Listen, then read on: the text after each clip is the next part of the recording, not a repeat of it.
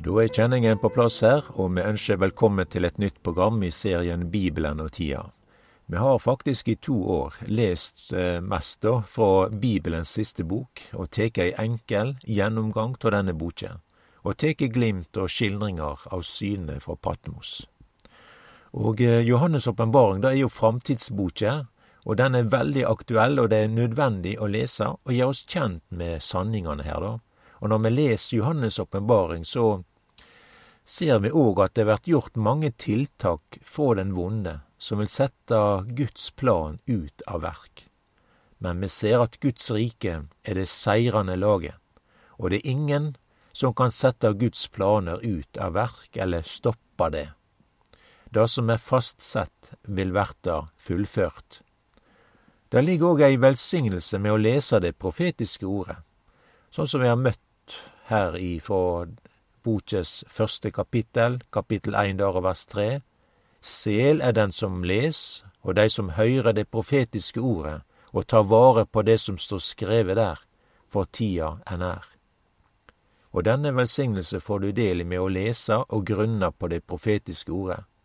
Og det er ingen bøker, som Bibelens siste bok, og den første bok i Bibelen som er gjenstand for så mye bibelkritikk som nettopp disse bøkene. Men det er noe med å ta det sånn som vi leser, slik som det står skrevet. Gud hadde aldri gitt oss disse bøkene om ikke vi skulle, og at Han ville at vi skulle få del i det, og vite Hans planer og tanker og råd. Vi leser i profeten Amos kapittel 3 vers 7. For Herren, Herren, gjer ikkje noko uten at Han har åpenbæra sine løgneråd for tjenerne sine, profetane. Vi kan ta oss og lese det som står her i Første Mosebok, kapittel 1 av vers 1. I opphavet skapte Gud himmelen og jorda, og jorda var aud og tom. Mørket låg over det store djupet, og Guds ande sveiv over vatnet. Eh, det er jo denne jorda vi har i dag, da. Men eh, det er eh, åpenbart at denne gamle jorda Ja, for Bibelen taler jo om ei ny jord og en ny himmel. Apostelen Peter han skriver det på denne måten her da i sitt andre brev, kapittel 3 vers 13. Men etter hans lovnad venter vi nye himler og ei ny jord, der rettferd bur. Og det som vert sagt av Peter her når han skriver, det samsvarer også med ordet fra profeten Jesajas, kapittel 65, av vers 17 der. For sjå, eg skaper en ny himmel og en ny jord, og det som var før, skal ingen minnast, ingen lenger koma det i hug. Så disse sanningene som da møter att her i Johannes' åpenbaring, det er noe som samsvarer med det som eh, både i Første Mosebok og, og eh, Peters brev og eh, profeten Jesajas osv. Så, videre. så får vi da vite litt mer òg hva dette innebærer her i Bibelens siste bok. En ny himmel og en ny jord. Eh, og så er det da at eh, her er det rettferdige som bor. Og eh, dette som vi også leste at på den gamle jorda så, så er alt borte, altså ingen skal minnes dette. Jeg, jeg kan lese her i Åpenbaringen 21, da, og vers 1. Jeg så en ny himmel og en ny jord. For den første himmelen og den første jorda hadde kvorvet bort, og havet er ikke mer. Og jeg så den heilage byen, det nye Jerusalem, stiga ned for himmelen fra Gud, gjort i stand lik ei brur som er prydd for brudgommen sin. Fra trona hørte jeg ei høg røyst som sa, Sjå, Guds bustad er jo menneske. Han skal bu hjå dei, og dei skal være hans folk, og Gud sjøl skal være hjå dei og være deira Gud. Han skal tørka kvar tåre fra auga deira, og døden skal ikkje være meir, og ikkje sorg og ikkje skrik og ikkje pinsle skal være meir. For dei første ting har kvorve bort. Og den jorda og himmel som er i dag, da, den er på mange måter en modell av det evige. Og når vi leser om havet, at det ikkje skal være meir, så kan vi ha åpning for at havet er noe av det symbolske her, da. At havet det kan jo være det vakre og det harmoniske, men det kan òg være meg en fiende, og det kan være farlig for meg. Og i Bibelen så ser jo vi òg da at den ugudelige blir sammenlikna med et hav. Vi kan lese ifra Jesajas boke 57. Men dei gudlause er som det bårande havet. Det kan ikkje ligge i ro, og bølgene roter opp gjørme og slam. Så når vi leser dette her, da, så, så kan det jo være sånn å forstå at uh, da, havet er ikke mer i den betydning av de gudlause, det som kan være en fiende, og det som skaper det opprørte havet. Det er både truende og det farlige. Det, det samme leser vi òg i Judas brev, vers 13. De er vill, ville havbårer som skummer opp si eiga skam, dei er villfarne stjerner som ei natt av mørke i vente til evig tid. Så havet er da noe som ikke har ro, og dei gudløse blir på en måte sammenlikna med dette her, da. Havet er staden hvor mange skipsbrudd er gjort. Havet har skjult mange mennesker, og det er mange som ikke har kommet til rette. Vi kan derfor si at havet er noe som har eh, skapt og skaper skilsmisse. Havet kan òg være falskt. Det er noe som kan virke til, eh, ja, og, og vakkert, tiltragende. Så, men havet det kan fort endre seg og verte brutalt. Så leser vi da at havet er ikke mer. Og jeg tror at det er denne sida som er i tankene. Havet er på den nye himmel og den nye jord, men ikke slik havet som vi har i dag, det falske, det havet som tar, eller det havet som er farlig, og som kan være meg en fiende. Havet kan være noe som er vakkert i dag, men samtidig er havet noe som kan ta meg og gjøyme meg i sitt djup. Men slik er ikke havet på den nye himmel og den nye jord, om vi kan si det på den måten. Og når vi da leser her i Første Mosebok og Johannes' åpenbaring, og imellom her så har vi verdenshistorien. Og heile Bibelen skildrer dette for oss. Og det som topper seg i denne historien, det er frelsesverket i Jerusalem. Og på mange måter er dette her Golgata, det er historiens midtpunkt. Her møtes alle. Her er det avgjørende standpunkt for alle mennesker. Golgata er møteplassen.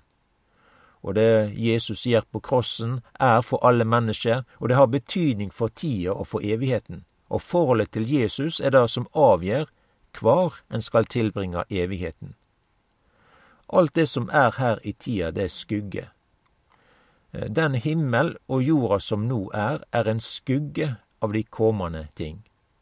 Og det som gjør oss oppmerksom på dette her, det er Bibelen. Og eh, i Bibelen vår, og eh, i tida, så er det et midtpunkt, og dette midtpunktet er Jerusalem i Israel. Her er begivenhetene knytta til. Og det er her i tida hvor Herren sier til Israel, her skal jeg komme til, her skal jeg søke, her er Guds gjerning åpenbæra, her er Guds hvile og gjerning og hans kjærleik knytta til Jerusalem. Jerusalem er også Guds navn knytta til. Vi kan lese det som står her i Jesajas bok 62, vers 3, om Jerusalem, da. Og du, skal være ei herlig krone i handa på Herren og et kongelig hovedsmykke i handa på din Gud. Og eh, jeg tror det er mange ting som tyder på at Jerusalem og det som vi nå ser i Israel, og den omtale denne byen har, er et forbilde på det nye Jerusalem. På samme måte som Jerusalem i dag er et midtpunkt på jorda, sånn vil det nye Jerusalem ha et toppunkt. Og vi kan lese om Jerusalem i dag, at det er noe som ligger midt på jorda. Det blir jo omtalt som en navle. Det står omtalt her i profeten Esekiel 38 vers 12 om Jerusalem og innbyggerne, så står det at som bur der jorda har navlen sin. Så det er et midtpunkt. Og så leser vi da om det kommende Jerusalem, så er det som er en toppstad. Og jeg så den heilage byen og det nye Jerusalem stiger ned ifra himmelen fra Gud, gjort i stand, lik ei brur som er prydd for brudgommen sin. I den nye himmel og den nye jord, der er det gamle borte, og det som er borte, er det som skapte skrik og pine og sorg og død. Det er ikke tårer lenger, eller noe som gjør at en kjenner på sorg eller opplever sorg, ikke angst eller fortvilelse, eller noe som har med det forgjengelige og det nedbrytende å gjøre. Og eh, det er òg ei anna sak som vi kan ta med her, som ikke er på den nye himmel og den nye jord. Det er det som har med natten å gjøre. Det er ikke noe som heter natt. Portane, står det her i Åpenbaringen 21 vers 25, portane hans skal aldri verta stengde om dagen, for natt skal ikke være der. Natta, det er noe som hører mørket til. Og vi leser i Kolossabrevet 1.13 at Han er den som fridde oss ut av mørkets makt og satt oss over i sin kjære Sønns rike. Mørket, det har med djevelen å gjøre, det har med mørkets gjerninger, som ikke tåler lyset. Men i den evige tilværelse er det lyst hele tida. Djevelen er borte. Natta er ikke lenger, fordi det er dag hele tida. Det er ikkje ei tid på den nye himmel eller den nye jord der vi trenger å kvile. Kvile, det gjør vi på grunn av at vi er trøtte, eller at det skulle være natt på nokon måte. Natt og dag har med tid å gjøre, men i den kommende evigheten og himmelen og det nye Jerusalem, der er det bare lys. Det er dag hele tida. Det er ikke kalender og klokke og noe som skal fortelle hva tida er. Dette med dag og natt, det har noe med livets to utganger å gjøre. Natt og dag, det forteller om evigheten og hvor en vil tilbringe evigheten. Bibelen taler om en morgen, om livet, men den taler også om livskvelden når den kjem, og sola som går ned i vest. Dette er billedbruken Bibelen har om livet, og avslutningen av livet. Men Bibelen tar da dette her, og bruker da dette som et bilde, og et bilde på evigheten. Mørket er ikke på den nye himmel og den nye jord, fordi mørket er en heilt annan stad. Mørket er der hvor eh, djevelen og hans engler er. Fortapinga er alltid forbundet med mørket. Det er syndens mørke, angstens mørke, sorgen og det håpløse. Sånn er alt mørkt. Det er fortapelsen og innholdet i den. Her er det ikke noe som er lyst eller fredfylt, men det er et evig mørke. Dag og natt er et bilde på livets to utganger. Dagen er det som har med den smale vei og himmelveien. Natta er det som har med den breie vei og det som har med fortapinga å gjøre.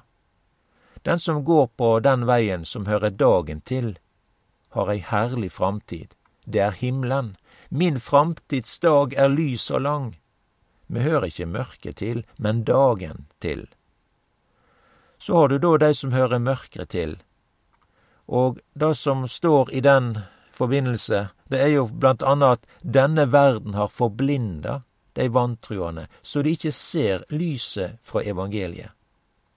Og Her går en da i mørket og ender i det evige mørket. Men Bibelen omtaler at det er en mulighet, om det skjer en omvendelse. Og det kan godt være da at om du hører disse tingene her, og, og vært gjort merksom på da, at du er i mørket, da skal du snu og vende deg til Jesus, for han er verdens lys, han er det evige lyset. Han er sanninga, dette lyset. Så da å være en kristen, det er å høre dagen og himmelen til. Vel, her er det mange rike sanninger og viktige tanker, da, og når det gjelder himmelen, så vil jeg anbefale den. Og slik er det også livet, det å kunne ha ei himmeladresse over hverdagen sin. Vi leser her i første Tessalonikerbrev 5,8 at men vi som hører dagen til, lat oss være edrue, lat oss stå kledde med trua og kjærleiken som brynje, og med vona om frelse som hjelm. Jesus kjem snart igjen.